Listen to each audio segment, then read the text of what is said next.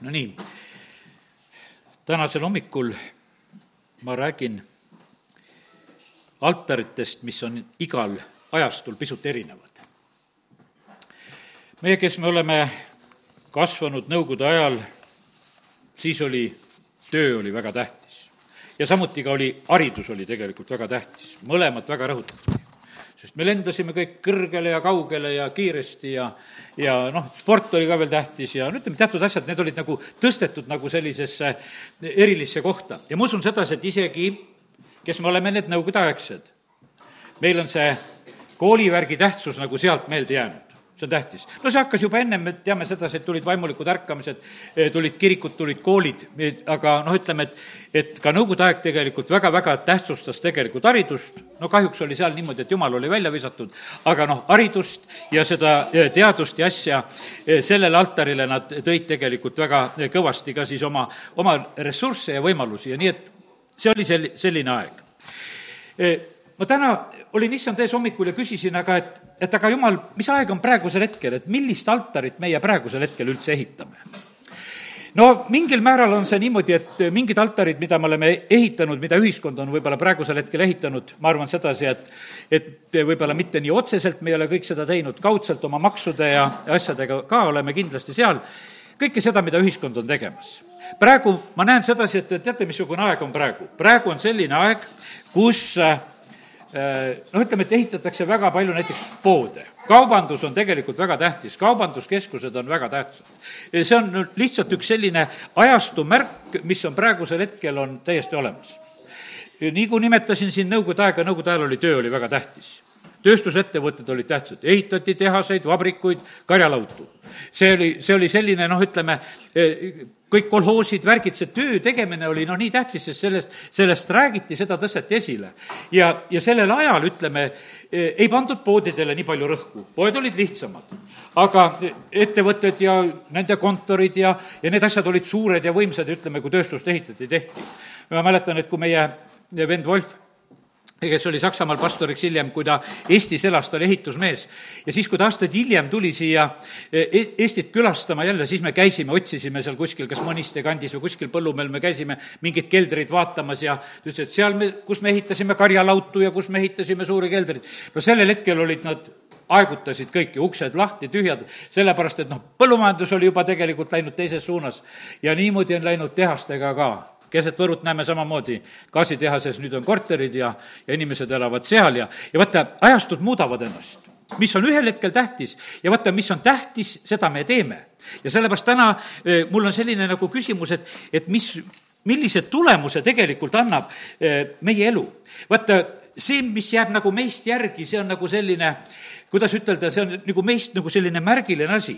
ma mõtlen seda eh, sellist ajastu altarit, millest ma praegu nagu räägin, et eh, see on selline eh, jumalaga kohtumise ja jumalaga jumala austamise paik on tegelikult altar. sest et noh, ütleme, et on need vanad pagana usundid ja värgid, oma ohvrikivid ja värgid ja kus nad käivad või mõni, mõni ojakene või allikas või noh, nendel on nii tähtsad kohad, kus nad käivad, et käivad seal nagu suhtlemas, eks, selle kõrgemaga, keda nemad arvavad seal olevat. ja nüüd on see niimoodi, et, et jumal paneb väga tähele sedasi samamoodi, et mis on meile tähtis. kallid, mina olen täiesti selle ajastu inimene, ma ütlen sedasi, ma ei saa ennast kuskile lahutada, ma olen see tööajastu inimene. ma sain selle kogemuse sellel nädalal see oli niimoodi, et, et äh, kuulsin, kuulasin ühte meest, kes hakkas minuga rääkima, tegin siin natukese palvele juures tööd, ta läks mööda. räägib mulle kõik, mis tööd ta on teinud, mis ametid tal on olnud, mis kategooriad tal on. Ja noh, ütleme, et rõõmsalt räägib kõike seda asja. no mina kuulasin, noh, tubli mees, ehitusmees, kõiki töid teinud siin ja seal ja kus koha peal ta on ehitanud ja need saavutused ja, ja kõik, kõik ta rääkis. no ma kuulasin selle jutu ära.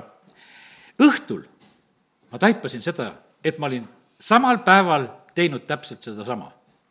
rääkisin seda, kuhu ma olen värava teinud, kus, kus ma olen mit-, midagi teinud ja siis ma hakkasin mõtlema, et ma olen üldse elus palju rääkinud et kus on minu eh, tehtud aknaid või uksi või tead, ja ma hakkasin mõtlema, et, et me oleme täpselt sellised inimesed, et vaata, need on nagu sellised eh,, nagu sellised tähtsad asjad.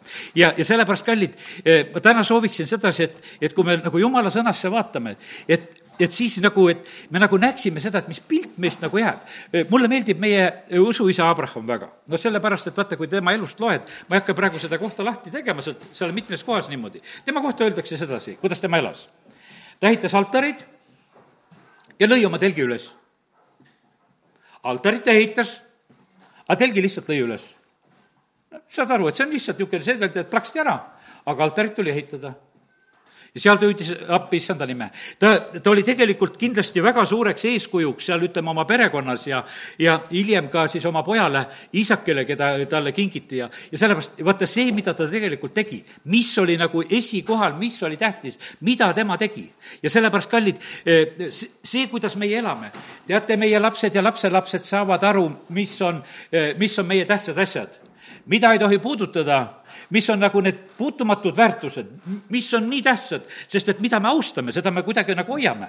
ja, ja sellepärast on nii, et ma täna lihtsalt ütlen sedasi, et, et eh, kontrolli üle oma elus nagu need momendid, et mis on sul kõige tähtsam koht. vaata, kui sul on tõesti niimoodi, et on kõige tähtsam koht, on see, et, et sa tuled jumalateenistusele ja, ja kui see on su tõesti su südamest, siis saavad seda su lähedased ka aru, saavad su lapsed aru ja, ja, ja varsti nad lepivad sellega, et seda tähtsat asja lihtsalt ära võtta ei saa. ja, ja sellepärast hoia seda tähtsust. jumal peab olema esikohal, mitte miski muu asi tegelikult ei, ei tohi nagu seda kohta eh, meie elust ära ära võtta ja, ja sellepärast kiitus Jumalale. altariga olid seotud, on ka tegelikult alati ohvrid. nüüd ütlen järgmise sellise mõtte. siis, et kui on altar, siis me ohverdame. siin, siin on niimoodi, et vaata, eks, kui me armastame kogudust, kui me armastame Jumala riiki, kui me, kui me seda te-, armastame, siis me tegelikult ütleme, toome sellele altarile. mul tuleb meelde üks, noh, ütleme, nõukogudeaegne mees, kui veel oli, noh, ütleme, et võis juba natukese hakata nagu lilledega äri tegema ja kellel olid oma kasvuhooned ja värgid. aga mida tema tegi? ta kasvatas lilli ühe, ühe palvel ehitus tegelikult oli käimas.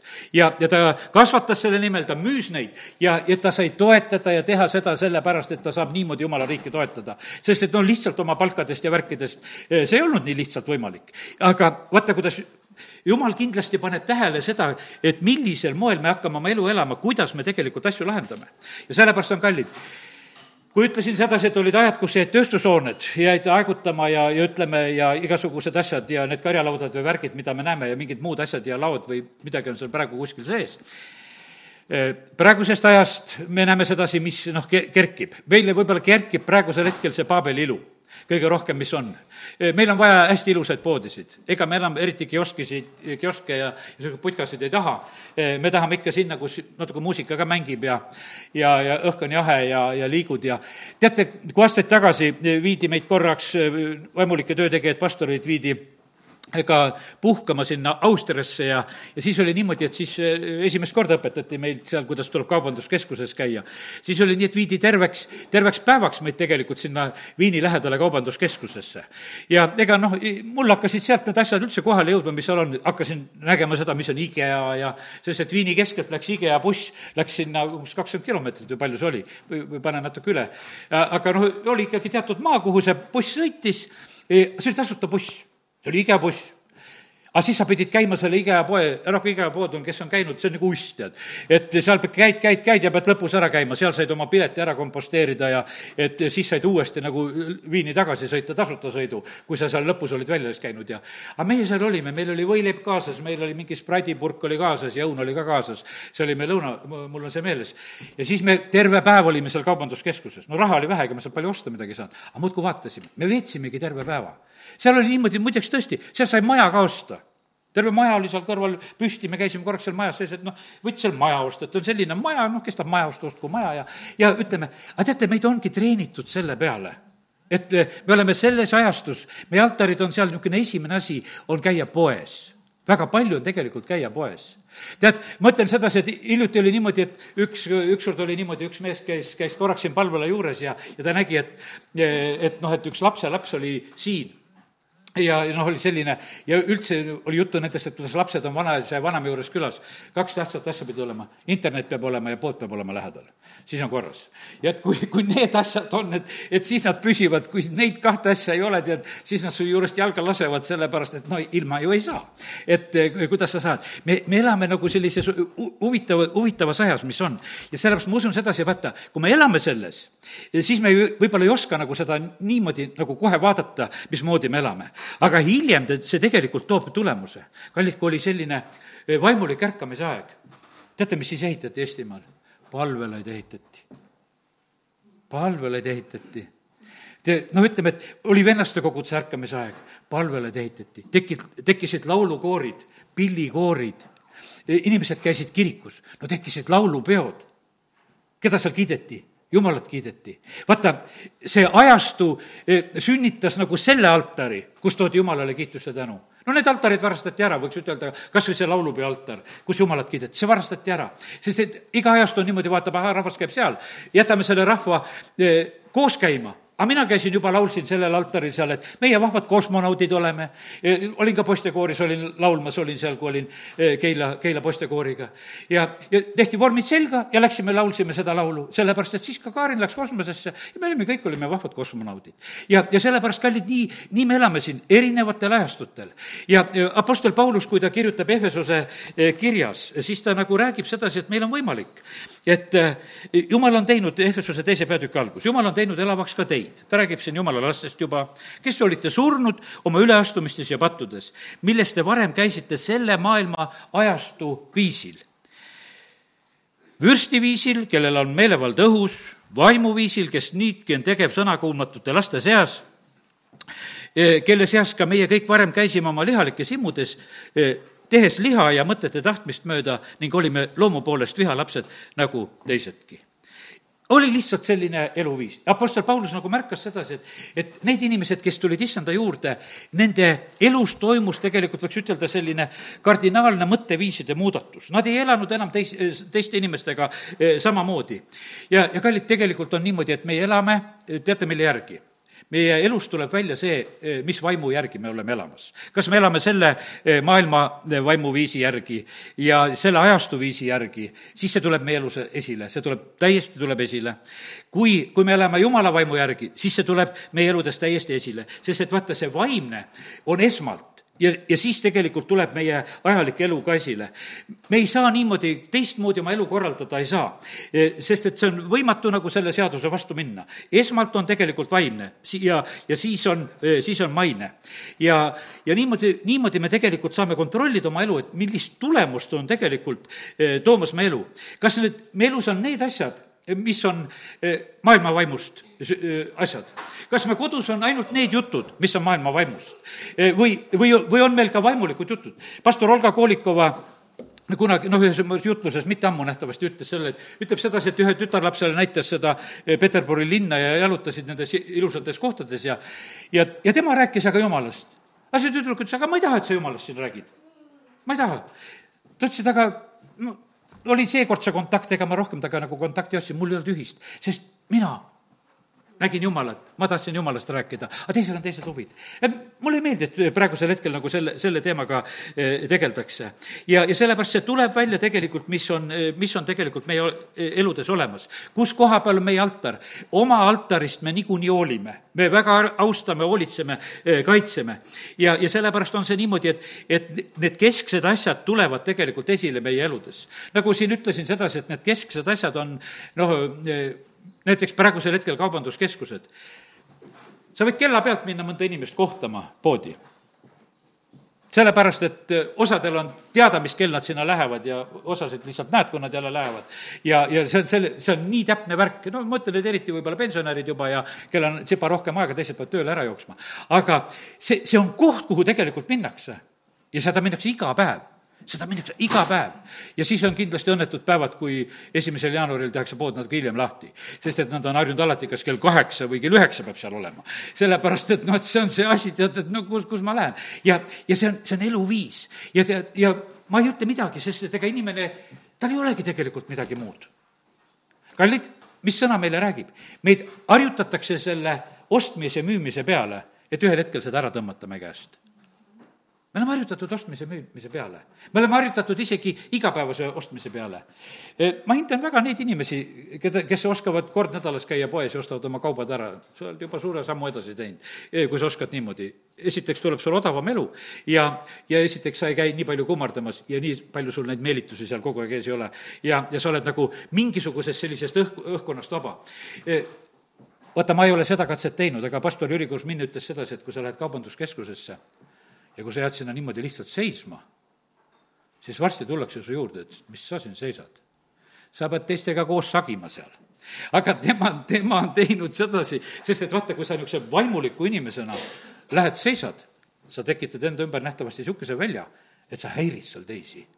sest teised on kõik ostmise ja müümise ja vahetamise meeleolus. praegusel hetkel oleme siin käimas. siin niisama vaadata ei tohi mitte midagi, tead. ja sellepärast, kallid, nii see on, et, et täna ma tahaks ütelda sedasi, et kallid, eh, näeme sedasi, jah, me käime poes, jah, me elame siin selles maailmas, aga, aga me ei ela enam selle vaimu ja selle viisi all. ja sellepärast on see niimoodi, et, et täna, täna ma tunnen rõõmu nendest inimestest, kes nad tulete Jumala kotta. sellepärast, et vaata, me, meie jäljed jäävad ju tegelikult siia. praegusel ajal on niimoodi, me saame aru sedasi, et noh, need meil on telefonid ja värgid ja need suured kaardid, mis siin sees on. kuule, ta kogu aeg fikseerib ära sedasi, kus sa oled. mine metsa seenele, käi ümber puu seal, kui sul on telefon lahti, ta muudkui sul joonistab sedasi, iga seene võid üles otsida pärast, kus koha pealt teda lõikasid seal, sest et ta märgib kõik need kohad ära. ja, ja sellepärast on niimoodi, et jumalal on hea meel, kelle mõttes on tegelikult need pühad teekonnad, eh, kes tulevad tegelikult nendesse altaripaikadesse. kui Abraham tuli tagasi, tal oli meeles, kus ta oma altari ehitus, läks jälle sinna vaatama, uuesti ohverdas, jälle hüüdis issanda, issandat appi. ta käis nende nendes paikades ja kohtades. E, e, sellepärast need on erilised asjad. vaata sealt Annast läbi tulles, kes Tallinna poolt tuleb, seal on üks e, alajaam, ma ei tea, kas see veel on püsti või ei ole, aga igatahes ta oli kaua aega püsti. see oli palvepaik minu isal.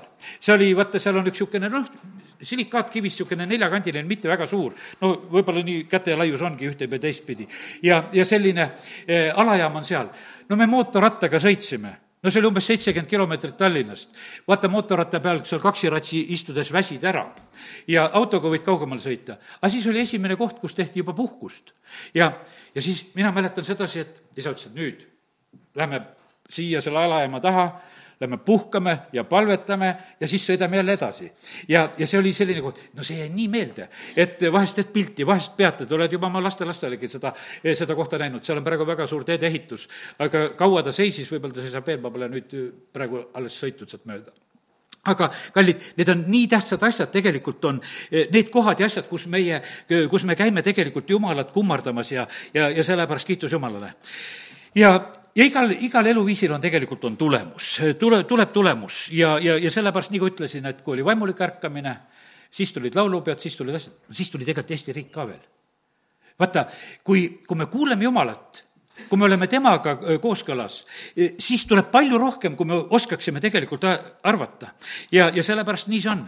kallid, kui nüüd, kui me saame niimoodi jumalaga kooskõlla, isa soovib sedasi, nagu Jeesus ütleb, et, et et ta tahab, et, et isa koda hüütaks palvekojaks et see oleks palvekoda, kuhu me tuleme tegelikult palvega, kuhu me tuleme selle sooviga, et issand meiega räägiks, et see oleks nagu siin selles paigas valitsemas.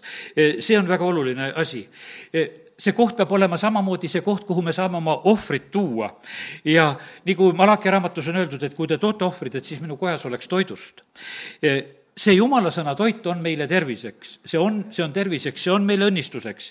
sest et meie ei ela üks päinis sellest leivast, mida me saame, vaid me elame igast sõnast, mis tuleb jumala suust.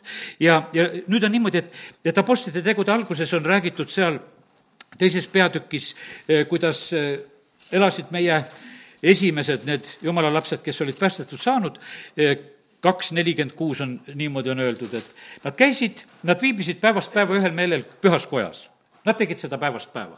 ja on ärkamiste aegadel olnud samamoodi, et, et on olnud need ärkamised, mis on olnud selle vabaduse tulles, kui aktiivsed olid tegelikult noored inimesed, kes tulid, kui olid ärkamisajad, vanasti nendel heinaaegadel ja värkidel öeldi sedasi, et õhtul kell üksteist tehti koosolek, sest et heinategu pidi olema juba ka tehtud, aga jumala rahvas tahtis ikka kokku saada ja ikka käidi koos ja vahet ei olnud alati on see selline. ja nüüd on öeldud sedasi, nad viibisid päevast päeva ühel meelel pühakojas ja murdsid leiba kod-, kodudes ja võtsid rooga juubeldades ja siira südamega. Nad võtsid väga rõõmsalt rooga no nendele meeldis väga süüa. Nad läksid, oh, hakkame sööma, tead, teate, kallid, see ei olnud lihtsalt söömise rõõm.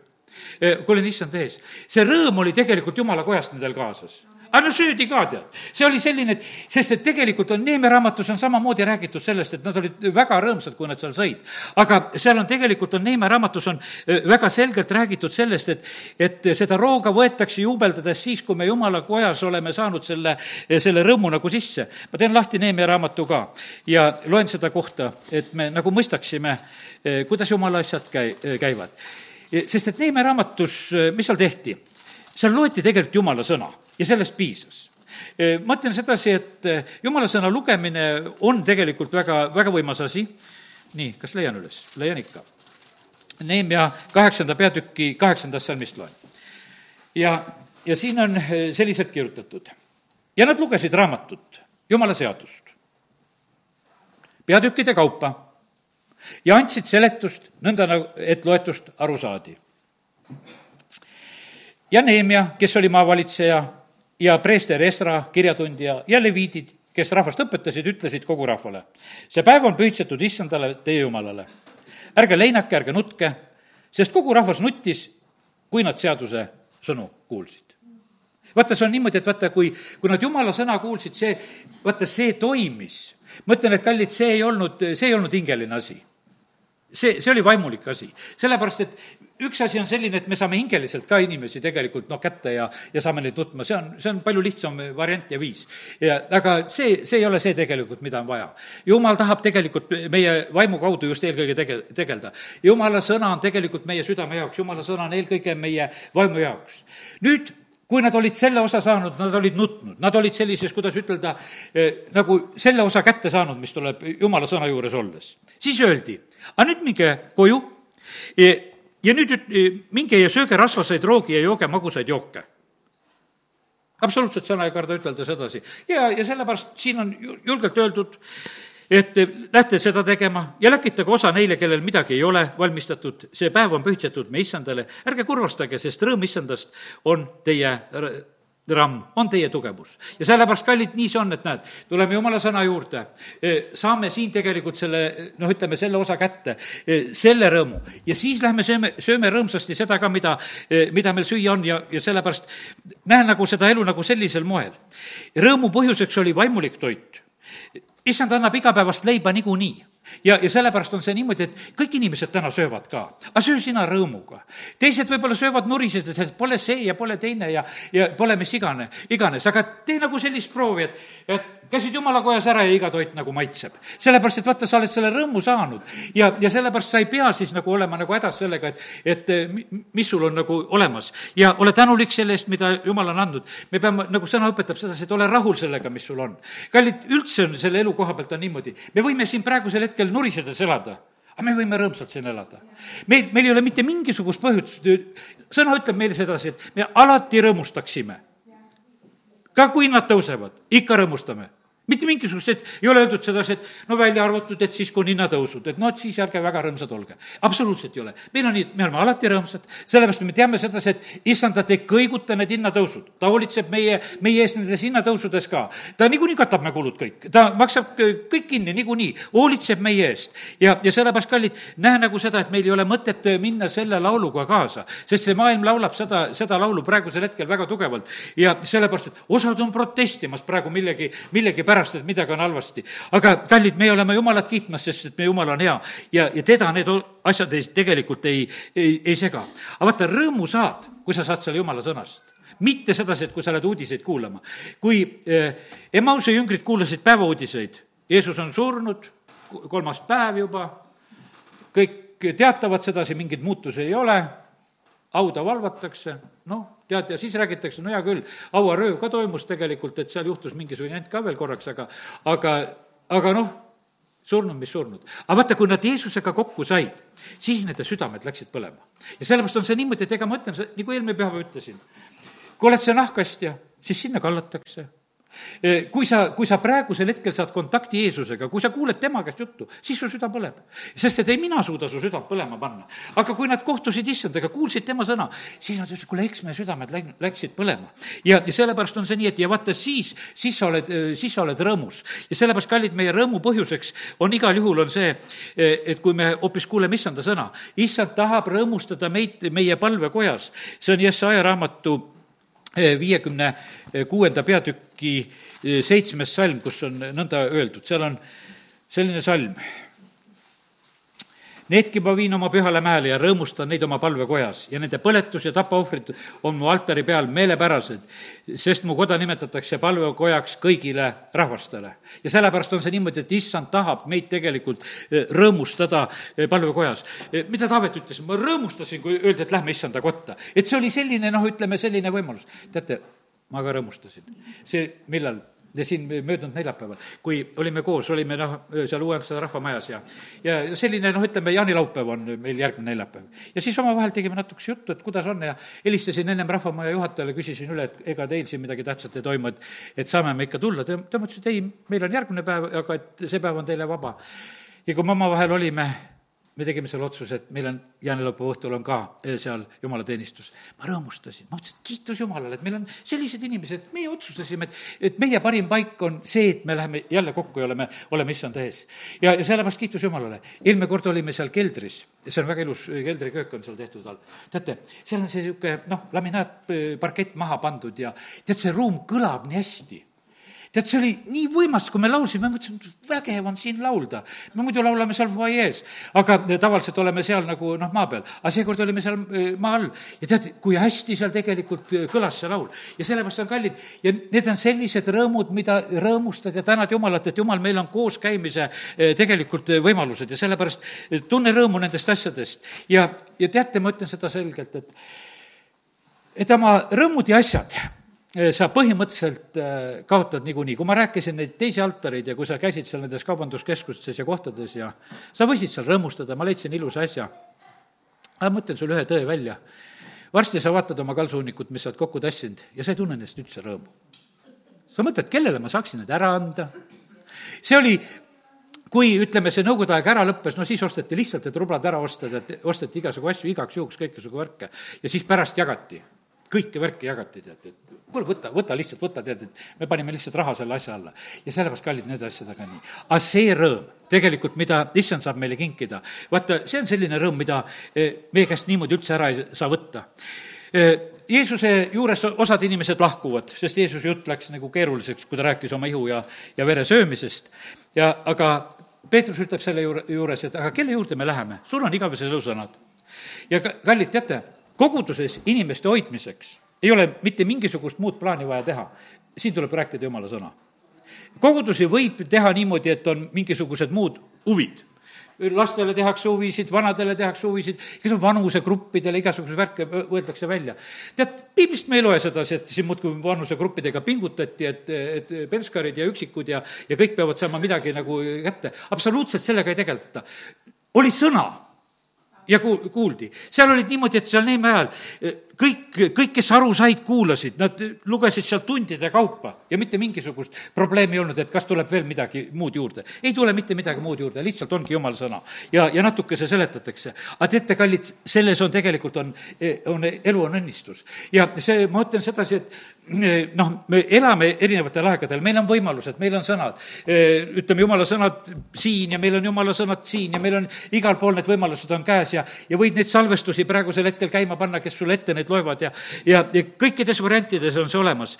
ja, ja kallid, see, see ongi tegelikult üks võimas asi, mida meie öö, omada saame nüüd tulen korraks Ruti, Ruti raamatu juurde. Ruti raamatus on seal sellised lood, et see on kohtumõistjate päevil ja neil päevil, kui kohtumõistjad mõistsid kohut, Ruti raamat esimene peatükk, siis juhtus, et nälg oli maal. nälg oli maal. aga mis nälg oli seal? Noh, me mõtleme, ikkagi, et vilja ei ole, punkt üks, eks niimoodi. ja siis läks üks mees Petlemast Juudamaalt, et võõrana elada Moabi väljadel, tema ja ta naine ja kaks, kaks poega. selle mehe nimi oli Elimelek, naise nimi oli Noomi ja siis pojad olid Mahlon ja Kiljon. ja nad lähevad siis, nad olid efratalased ja lähevad Petlemast Juudamaalt ja lähevad Moabi väljadele ja jäävad sinna elama. nüüd on nii, mis nendega juhtub? Nälg on, nad, nad lähevad sealt ära, nad lähevad otsima paremat paika, kus on. kallid, kui Petlemmas ei ole leiba ja teate, ma ütlen täna sedasi, seal ei olnud jumala sõna. sellepärast mindi ära. kui oleks seal olnud jumala sõna, nad ei oleks ära läinud. Ammose raamatus on öeldud sedasi, ma saadan nälja jumala sõna järgi, mitte leiva järgi. kallid, suurem põhjus on tegelikult meie elus on see, kui, kui on jumala sõna puudus. ja, ja sellepärast, kui ma seda nagu seekord nagu lugesin, issand annab, ütleb, et ei. teate, seal on niimoodi, Noomi ütleb sedasi, teate, kuidas ta pärast ütleb, kui ta tagasi tuleb? külluses ma läksin. ma ei olnud puuduses, kui ma läksin. ma läksin külluses. aga tagasi tulin vaeselt, seal Moabimaal jäin ma vaeseks ja sellepärast on see niimoodi, et, et noh, me võtame nii lihtsalt, et on eh, see, lihtsalt see füüsilise leiva nälg ja inimesed lahkusid sealt ära. aga kallid, nii see ei olnud, ta läheks Moabimaale ja põhimõtteliselt seal juhtub üks kurb asi. sealt tuleb väga palju surma. kui meie lapsed lähevad maailma, siis nad surevad seal. sest see maa, see Moabimaa, no lihtsalt tapab ära. tappis eelkõige ära, kõigepealt tappis mehe ära. tappis hiljem ära mõlemad pojad niisugune kohutav lugu tegelikult selle noomil, mis on. ja, ja suri nende, võiks ütelda, nende vaimulik elu ja ajalik elu, kõik tegelikult seal suri. mõtlen vaata sedasi, et vaata, täna mõtlesin sedasi, et vaata, see altari värk on nii tähtis, see toob tulemuse. mis on esimene? ja vaata, see oli nagu surmaaltar, see lihtsalt tekitas selle. sureb mees, surevad pojad. kus minu õnnistust ei ole, seal mehed surevad. no mehed on praegu sõjas kus ei ole minu õnnistus, seal mehed surevad, ma varsti räägin natuke sellest ka veel. aga kui Noomi tuli tagasi, siis tuleb Rutt temaga kaasa. Rutil on üks vajadus, tal on meest vaja. Noomi ütleb sedasi, et kui ma nüüd mehele läheksin ja veel poja sünnitaksin, et jõuad sina seda oodata, millal see pojakene kasvab, et, et sellest abielumeest saaks sulle, noh, et see see on nagu välistatud. aga Noomiga tuleb ikkagi, Rutt tuleb kaasa ja tegelikult on niimoodi, et Petlemmas on tema jaoks mees olemas Ruti jaoks. ja seal sündis temale poeg. vaata, seal on niimoodi, aga teate, mis seal vahepeal Petlemmas jut-, juhtus? ta võttis oma minite kätte, üks kuus on öeldud sedasi, ja ta tuli Moabi väljadelt tagasi, sest ta oli kuulnud, et issand on hoolitsenud oma rahva eest, eh, andes neile leiba. mõni tõlge ütleb, et issand oli külastanud. teate, sinna oli tulnud jumala sõna tagasi see oli jumala sõnal tulnud tagasi. ja nüüd nad lähevad sinna tagasi, sest et elu oli tegelikult tulnud eh, sellesse paika. ja, ja sellepärast on see niimoodi, et, et eh, nagu Taavet ütles sedasi, et ma ei ole näinud õiget leiba otsivat. ma ei ole näinud seda. no kui on näljaaeg on, siis on niimoodi, jätkub sellest õlist ja peotäiest jahust. ja me elame selle üle. või kui isegi seda ei ole, siis kaarnad toovad. leiba ja liha on vähemalt nälja ajal on olemas ja jätkub sellest ja, ja sellepärast on see niimoodi, aga vaata, see esmalt on tegelikult see eh, vaimuliku altari küsimus, mis on. Eh, kallid, nii see on, et issand külastas siis ja kui nad eh, siis Noomi kuulis, et issand on külastanud, siis nad lähevad tagasi, nad lähevad tagasi, on odralõikuse aeg. aga kallid, seal sünnib tegelikult palju rohkem, kuidas ütelda, kui, kui noh, sul sünnib lunastuse lugu, seal sünnib palju tegelikult ilusat tegelikult, mis, mis siis sellel hetkel nagu selle pere jaoks hakkas sündima Äh, issand külastas äh, Egiptuse vaaraod unenäoga ja andis unenäo, noh, et see seitse pluss seitse aastat, erinevad lood, Joosep selgitas ära, seitse head aastat, selle, seitse nälja aastat tuleb. Joosep selgitas lihtsalt ära selle issanda sõna. jumal valmistas sellel hetkel Egiptust oma rahva üleskasvatamise paigaks ja seal oli noh, ütleme niimoodi, seal oli leiba nii palju, et seitse nälja aastat olid kaetud ja ümberkaudu rahvastele ka, kõik, kes tahate, tulge ostma, kõik saate leiba. vaata, kuidas Jumal tegelikult teeb neid asju. ja, ja siis ütleme, Jakobi pere läheb ka kõik sinna Egiptusesse ja, ja seal noh, ütle, nelisada aastat läheb ja saab see äh, rahvas sünnib. Need asjad lähevad täide. no kuidas on, kui Jeesus pisikese poisina äh, põgeneb Egiptusesse, noh, ütleme, täitsa võiks ütelda väike, väikelapsena siis on öeldud sedasi Mattiuse eh, kaks viisteist, et Egiptusest ma kutsusin oma poja. et tal oli see Egiptuse periood. aga no ma tuletan juba kohe meelde, ütlen sedasi, kus sündis meie Jeesus? Petlemmas sündis. Petlemmas sündis. ja nüüd Noomi läheb sinna Petlemma, läheb siis. seal noh, ütleme, Jeesuse sünniks tegelikult sünnib palju selle tõttu, et Noomi sinna läks ja, ja Rutt oli kaasas ja, ja sellepärast kiitus Jumalale, et need asjad lähevad. aga me näeme sedasi, et, et kui sa elad selle maailma vürsti järgi, selle maailma vürsti järgi, kui sa elad, kui sa elad kõige selle, selle kaudu, ma ütlen, et kõik need jäävad varemeteks. teate, jumala kojad ei pea varemeteks jääma see ei pea jääma. ja, ja sellepärast on see, see on vale tegelikult, kui see, kui see juhtub, kui seal elu ei ole, siis ei ole ka petlemas leiba ja sellepärast on see nii tähtis, et, et jumala koda oleks alati see leivamaja, Betlem tähendab ju tegelikult seda leivamaja. ja nad lähevad, elavad, noh, ütleme, seal oli niimoodi, need pojad, ütleme, mees suri ära, see Elimelek suri ära, ma lihtsalt nagu natuke maalin veel seda pilti. Nad elasid kümme aastat abielus ja neil ei olnud lapsi. kümme aastat elasid abielus, nad elasid kümme aastat abielus ja siis need pojad surid ära. aga lapsi nendel ei olnud. ja noh, ja nagu need vanad Iisraeli seadused olid, et kui vanem vend võttis endale naise ja last ei olnud, siis järgmine vend pidi võtma ja siis oli seitse venda, nagu seal ühte lugu Jeesusele maaliti seal. aga noh, ütleme, et see oli teistmoodi tähtis lugu, no ütleme, sellel ajal nagu see. aga nendel läks see niimoodi. aga nüüd on niimoodi, et, et jumal hoolitseb oma rahva eest. E, ütleme, see Orpa ei tule kaasa, Rutt läheb. Rutt pärib tegelikult kõik, mis Elimelekile kuulus. E, Rutt saab poja Rutt saab Jeesuse sugupuusse. ja, ja sellepärast, kallid, nii see on, et inimene ei ela ükspänis leivast, vaid kõigest sellest, mis issanda suust lähtub. sest et Rutt läks sellise vaimuliku otsusena, et mina tulen, olen, et ma võtan sinu rahva Jumalat, ma võtan need vastu, ma tulen sinna. ja, ja sellepärast kiitus Jumalale, et, et see kõik hakkas niimoodi sünd, sündima. ja külluses läksin, tühjalt tulen aga me näeme sedasi, et jumal tegelikult pöörab selle olukorra, ma tulen nüüd Ruti raamatu lõpupoole ka, mõne, mõne koha ütlen sedasi.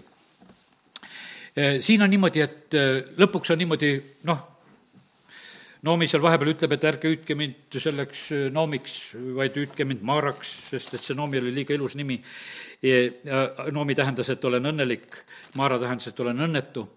aga põhimõtteliselt on niimoodi, et jumal pööras kõik, kõik selle olukorra ma loen siit äh, lõpust neljandast peatükist, äh, Rutist veel. Äh, üheksas salm. siis Boas ütles vanemaile ja kogu rahvale, te olete täna tunnistajad, et ma olen ostnud Noomilt kõik, mis kuulus Elimelekile ja kõik, mis kuulus Kiljonile ja Mahlonile. ka olen Moabi naise Ruti, Mahloni naise ostnud enesele naiseks, et taastada surnu nimi ta pärisosal, et ei kaoks surnu nimi ta vendade hulgast ega ta kodukoha väravast, te olete täna selle tunnistajad. no rahvas, kui seda kuuleb, üksteist salm nad õnnistavad, kogu rahvas väravas õnnistab ja ütlevad, me oleme tunnistajad, issand, tehku naine, kes su kotta tuleb, Raheli ja Lea sarnaseks vaata, kellest sündisid need kaksteist eh, Jakobi poega, siis kõik need Jakobi naised on siin nimetatud. tee vägevaid tegusid Efratas ja tee oma nimi kuulsaks Petlemmas. ja ja su sugu saagu Peretsi soo sarnaseks, kelle Taamar sünnitas juudele seemnest, mille issand annab sellest noorikust. ja siis e, neliteist, ta jäi lapseootele, laps sünnib ja naised ütlesid Noomile neliteist salm, kiidetud olgu issand, kes on, ei, kes täna ei jätnud sind lunastajata saagu ta nimi kuulsaks Iisraelis. saagu ta sulle hingejahutajaks ja toitjaks su vanas eas, sest su minija, kes sind armastab, on sünnitanud tema, kes on sulle parem kui seitse poega. ja Nomi võttis siis selle lapse ja pani oma sülle ja sai tema hoidjaks. Ja väga huvitav on seal niimoodi, et noh, naabrinaised panid nime ja naabrinaised panid temale nime, öeldes Noomile on sündinud poeg ja nad panid temale nimeks Obed. temast sai Taaveti isa, Iisa isa. siin on niimoodi, kallid Mm, natukese on veel aega, ma jagan neid mõtteid veel, mis mul siin kaustikus on kirjas. Vaata, ütlesin, et mehed surid. jumala jaoks on mehed tegelikult väga tähtsad. ja noh, me elame selles maailmas, kus on praegusel hetkel see feminism on eh, saanud nagu mingisuguse koha ja paljud mõtteviisid, noh, ütleme ka kristlaste peades on nagu sellest vaimust haaratud, maailma vaimust haaratud, loeme piiblit ja, ja sealt otsime üles mehe ja naise su-, suhted ja, ja positsioonid siis on meil korras. kui me sellest maailmast nüüd taga ajame, siis me märkamatult hakkame valesti neid asju mõistma, siis me mingisuguseid võrdsusi ja mingisuguseid ei tea mis asju taga hakkame ajama ja no ütleme, et sellesse teemasse nagu ei tahagi minna. aga me näeme sedasi, et jumala plaan on tegelikult meeste kaudu ja sellepärast on see niimoodi, et vaata, et esimeseks oli see samasugune lugu, et mehed surid. nüüd Petlemma tagasi tulles, Boas taastab selle mehe positsiooni seal, ütleme, Ruti elus ja, ja, ja sünnib poeg ja jumala plaanid lähevad edasi. Ja noh, mehed saavad siin eh, väga võimsa koha. noh, kuni vaata, ta seal Taaveti vanaisa sünnib seal, eks, ja, ja sellepärast on see nii, et kallid, need on nii tähtsad asjad tegelikult, et mehed oleksid oma koha peal. jumal loob esmalt mehe, mehes oli kõik. mehes oli naine ka, küüleluu, eks. Seda võid võtta nagu mingisuguse naljaloona, et loomisloona, ei, see on päris lugu mees on tegelikult olnud nii täiuslik, et mehest lahutati tegelikult naine siia sellesse maailma. ja, ja naine sai oma positsiooni. naine on tegelikult oma normaalses positsioonis, kui ta on eh, mehe kõrval. ja kui jumal tutvustab ennast, ta ütleb, et ma olen Abrahami, Iisaki ja Jaakobi jumal. Eh, ja sellepärast nii see on. ja, ja vahest on see niimoodi, et noh, et, et kui me loeme eh, Uues Testamendis, kui Paulus kirjutab seal vendades, siis me ütleme ise õed juurde sinna. et sellepärast, et noh, meil on niisugune tunne, et peaks ikka nagu nendele ka midagi ütlema. kallid, ma ütlen sedasi, et jumala silmis me ei ole mingisugused siin, nagu ütleme, selliselt enam mingisugused vennad ja õed siin ainult. kui me oleme jumala lapsed, siis me oleme jumala pojad. taevas ei minda mehele, ei võeta naisi, noh, ütleme, et Jeesus selgitab neid asju ka. sellepärast on see niimoodi, et, et meist räägitakse kui selles pojaseisuses või pruudiseisuses ja, ja sellepärast me vahest nagu tähtsustame nagu seda, seda sugu nagu sellises mõttes. aga see ei ole absoluutselt, jumala silmis ei ole need asjad ole nõnda. ja aga mehed siin selles maailmas niikuinii peavad olema oma ko-, koha peal. sellepärast, et jumal on väga kindlalt tegelikult selle asja seadnud ja, ja, ja paika pannud. nüüd ütlesin sedasi, et äh, rääkisin, et aga, et need mehed surevad. ma saan aru, et äh, praegu on valusad paigad, kus mehed surevad. me palvetame ise siin ka, kas või konkreetselt ühe pere pärast, kes on meie naabrid, et selle pere mees jääks ellu. ta on sõjaväelane Ukrainas, äh, noh, ütleme naine kahe lapsega on siin ja ema ka seal, kellegi oma sealt kaaslasi on, on niimoodi, eks. me palvetame, et, et jääks mees ellu, sest see on nende soov, et isa ei hukkuks. tuhanded mehed surevad, surevad nähtavasti täna ka. väga, väga raske olukord on selline. aga kallid, kuidas, kuidas nende asjadega saab? kuidas on niimoodi võimalik, et sõjas ei oleks surma? et ei oleks seda kaotust.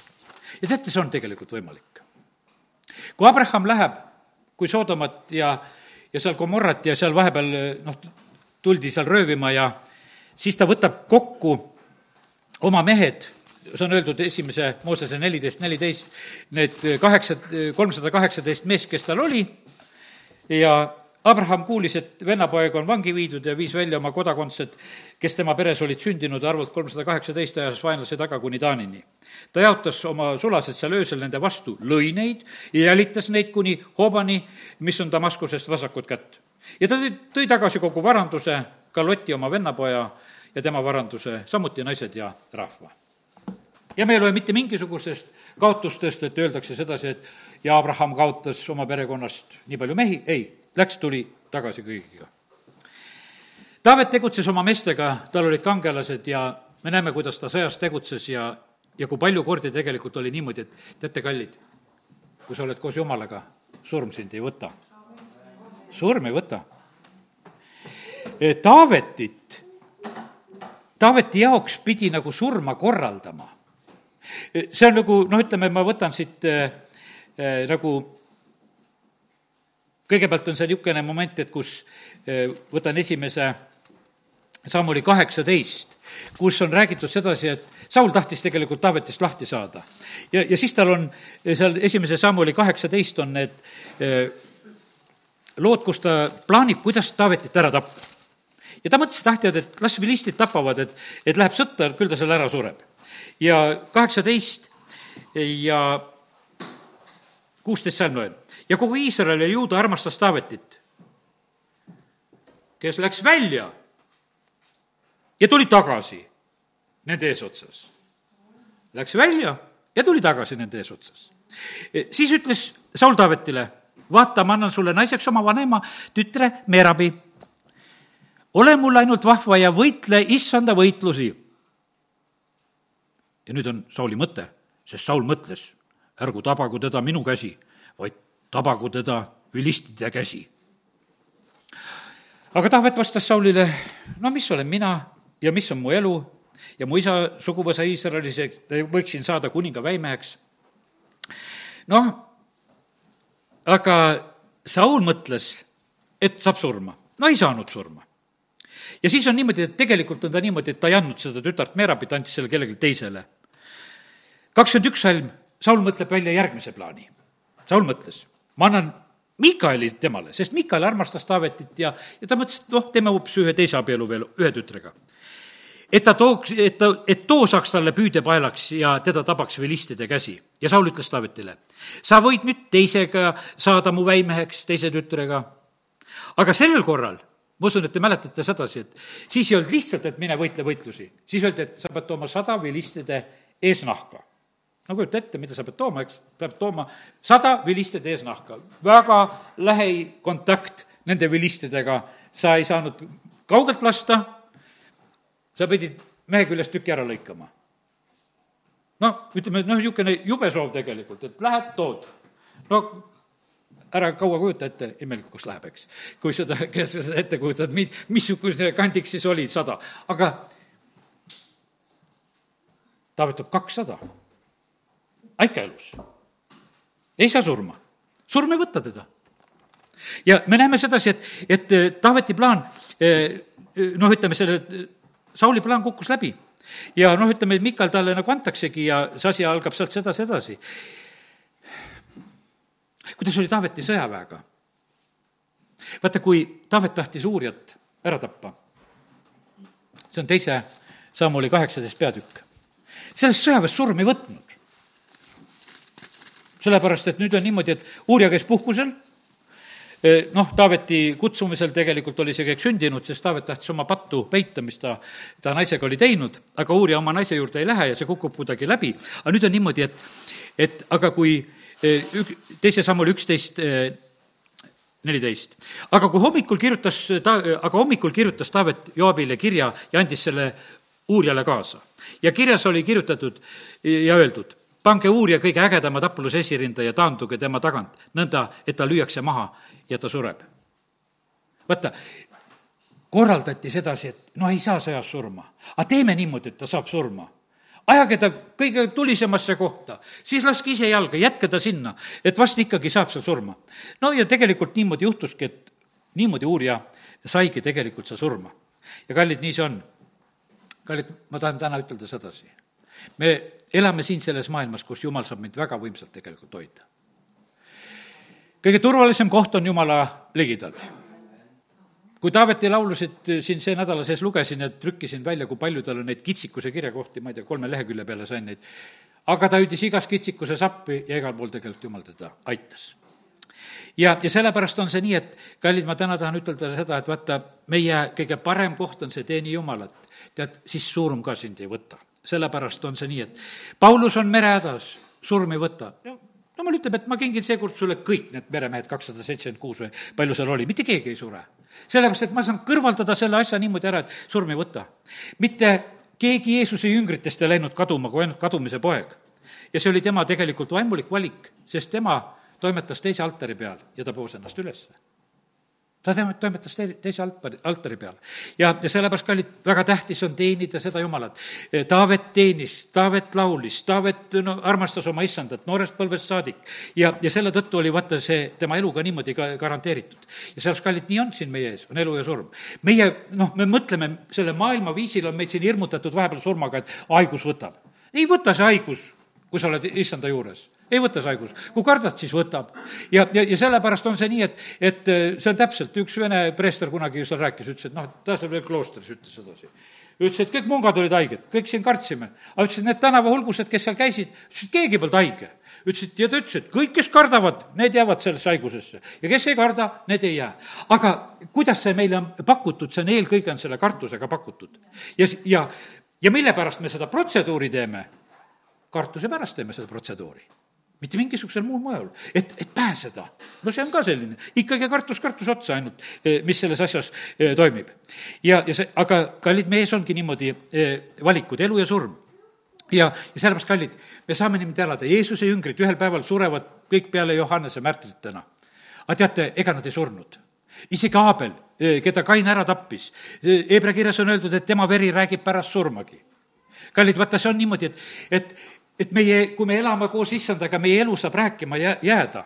ja siin oli nii, et selle nädala sees üks meie armas Oleviste pastor, kes siin vahepeal ka Võrus oli, Eh, helistas mulle ühel teatud põhjusel ja natuke rääkisime juttu. Ja siis ma rääkisin talle ühe vana loo, eh, mis mul tuli nagu meelde, ma mõt-, mõtlesin, kas ma olen talle rääkinud, sest et tema naine on sellest suguvõsast. eh, kullide suguvõsast, kullid olid meie koguduses ka, nad elasid Petseris ja tegid jumalariigi tööd seal nelipühiliinis ja mina noh, lapsena nagu mäletan seda perekonda.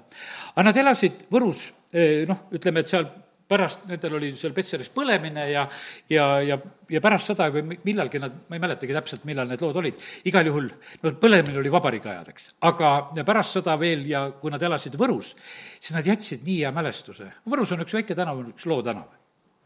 Nad elasid selles majas teisel korrusel. mina olin linnavalitsuses ja naabrite tüli oli. esimese ja teise korruse vaheline tüli oli, no sellest on nii palju aastaid möödas, ma võin seda, ma arvan, praegusel hetkel niimoodi rääkida et ma usun, et eh, palju on juba sealt igavikus, kellest ma räägin, ja, ja siis on niimoodi, et see perenaine oli kuidagi väga hädas oma naabritega ja, ja mind siis saadeti, et Toivo, mine lahenda seal majas see tüli ära, et nad pöörduvad meie poole. mina läksin sinna, kuulasin neid lugusid, noh, tüüpilised lood inimestel seal jagavad midagi, kes kuna saunas käib. ja vahet ei ole, aga jagasid, jagasid neid asju. aga teate, mis asja ära lahendas? meie õde ja vend Kullid, kes elasid selles majas, aastakümned tagasi sellel teisel korrusel. ühel hetkel oli niimoodi, et me hakkasime nendest rääkima ja meil ei olnud üldse enam vaja tülist rääkida. sellepärast ma rääkisin, sest et need olid nii ilusasti elanud. see õigete mälestus oli selliseks õnnistuseks, et minu jutud lahenesid hästi, aga tänu sellele, et üks õde ja vend kunagi olid elanud selles majas ja olid elanud mõistlikult ja ilusasti, olid Jumalat teeninud ja armastanud ja nad nähtavasti elasid niimoodi küllalt tülikalt. Nad võtsid palju külalisi ka veel vastu. et nende tuba oli olnud niimoodi, et põrandad olid külalisi täis, teise korra peal elad. no seal perenaisel pidi päris paha olema, kui seal palju üleval on. aga ei, mälestus õigetest jääb õnnistuseks. ja, ja sellepärast ma mõtlen sedasi, ela sellele Jumala altarile, see toob tegelikult tulemuse, see toob siis, kui sind enam ei ole ka, siis see toob lihtsalt õnnistuse. tead, sest et vaata, Jumal on niimoodi öeldud, see jääb õnnistuseks. et mina, mina olen niimoodi eh, neid asju korraldamas. ja, sellepärast Jumal vaatab üle aegade, vaatab sellest, sest see Betlem tegelikult oli, eh, oli nii tähtis koht ju tegelikult, eh, kuhu, kuhu siis see rutt pidi tulema. ja, ja sellepärast, kallid tahan ütelda sedasi, ole nende paikade peal, kus jumal külastab. ära jookse neid paikasid pidi, kus, kus silmad näevad. sest seda silmapetet ja moondamist tuleb siin lõpuaegades veel küll ja küll. kus tehakse imetegusid ja tehakse asju, tead. otsi neid paikasid, kus on jumal kohal, kus tema külastab, kus tema, kus tema räägib, kus tema tegelikult rõõmustab. ja, ja sellest tegelikult meile piisab. ja vaata, siis me põhimõtteliselt pääseme ja oleme. nii et ja, ja ma usun nii, et vaata, siis jääb meie elust ei jää selliseid ahervaremaid järgi. ei jää, ei jää sedasi, et mingisuguseid karjalautasid vaatame, mis tühjad või keldrid, mis on tühjad või mis on maju, mis on tühjad või, või mis on iganes. teate, elu võid elada niimoodi, et, et su elu jääb tühjalt. noh, ütleme, vanemate koha pealt ütlen veel ühe õpetuse, ärge elage oma laste elu me vahest niimoodi tahame nagu elada oma laste elu, sellepärast inimesed mõtlevad sedasi, et et no me kõike teeme nendele, teate, lapsed lendavad niikuinii kodust välja ja, ja sellepärast nad lähevad niikuinii oma elu peale. ja, ja sellepärast on niimoodi, et paljud vanemad on eksinud sellega, et osad ehitavad suured majad, et siis on nad seal kõik. ja siis on vanad kahekesi seal. ja siis mõtlevad, mis asja me seal teeme selles majas, sellepärast et keegi ei jäänud sinna. sest et kõik, kõik lähevad ära. ja sellepärast, kallid, nii see on, et, et ela, ela niimoodi, et jääb tegelikult üks selline vaimulik mälestus. jääb see, et, et lastele jääb eelkõige meelde see, et kuule, et, et jumalat teeniti ja ja, ja see tegelikult on nagu selline eh, kõige, kõige tähtsam ja ilusam asi, sest et vot see ei lähe kaduma, aamen. tõuseme. halleluuja. isa, me täname, et võime olla täna siin selles paigas, kus on meie altaripaik, kus me oleme, Jumal, sinuga kohtumas, kus me oleme sind teenimas. isand, me armastame sind ja me täname sind, Jumal, et et me võime selles ajastus elada niimoodi, et muud asjad meid ei eksita jumal, sina oled meie puutumatu väärtus, sinu juurde me tuleme, sõltumata sellest, kõigist nendest muutustest ja asjadest, mis iganes siin selles maailmas on. jumal, me täname, kiidame, ülistame sind, et, et tohime praegu lihtsalt elada nendest ideaalidest, mis tulevad sinu sõnast. ei ela me sellest vabaduse ideaalist, mis olid siin kolmkümmend aastat tagasi, ei ela meie nendest hariduse ega tööideaalidest, millest me siin enne jutlust juba rääkisime, vaid issand, me elame sellest, mis tuleb sinu sõnast. isa, kiitus ja tänu ja ülistus sulle. ja me täname sind, Jumal, et selles maailmas, kus kurat on tegutsemas, kus ta on väga aktiivselt tegutsemas, kus ta otsib, et keda neelata ta ei saa neid neelata, kes on, issand, sinu juures varjul. me täname sind, Jumal, me täname sind, Jumal, et me võime piiblist näha seda, et sõjaväge ei saanud surm rünnata, kus sina olid kaitsmas. seal neid lihtsalt lükati surma alatul kombel. aga me täname sind, Jumal, et me tohime seda uskuda. ja isa, ma usun seda, et, et ka praegu nendes kriitilistes olukordades, ükstapuha, kus poole pealt keegi on seal sõdimas, on ta Vene või, või Ukraina poole pealt, aga kes hüüavad, issand, sind appi. kuule sina ja hoia sina nende elusid. isa, me täname sind, et, et et sina oled kõigist nendest olukordadest üle. see kiitus ja tänu ja, ja ülistus sulle. me täname sind, Jumal, et sa oled palvete kuulja, Jumal. amin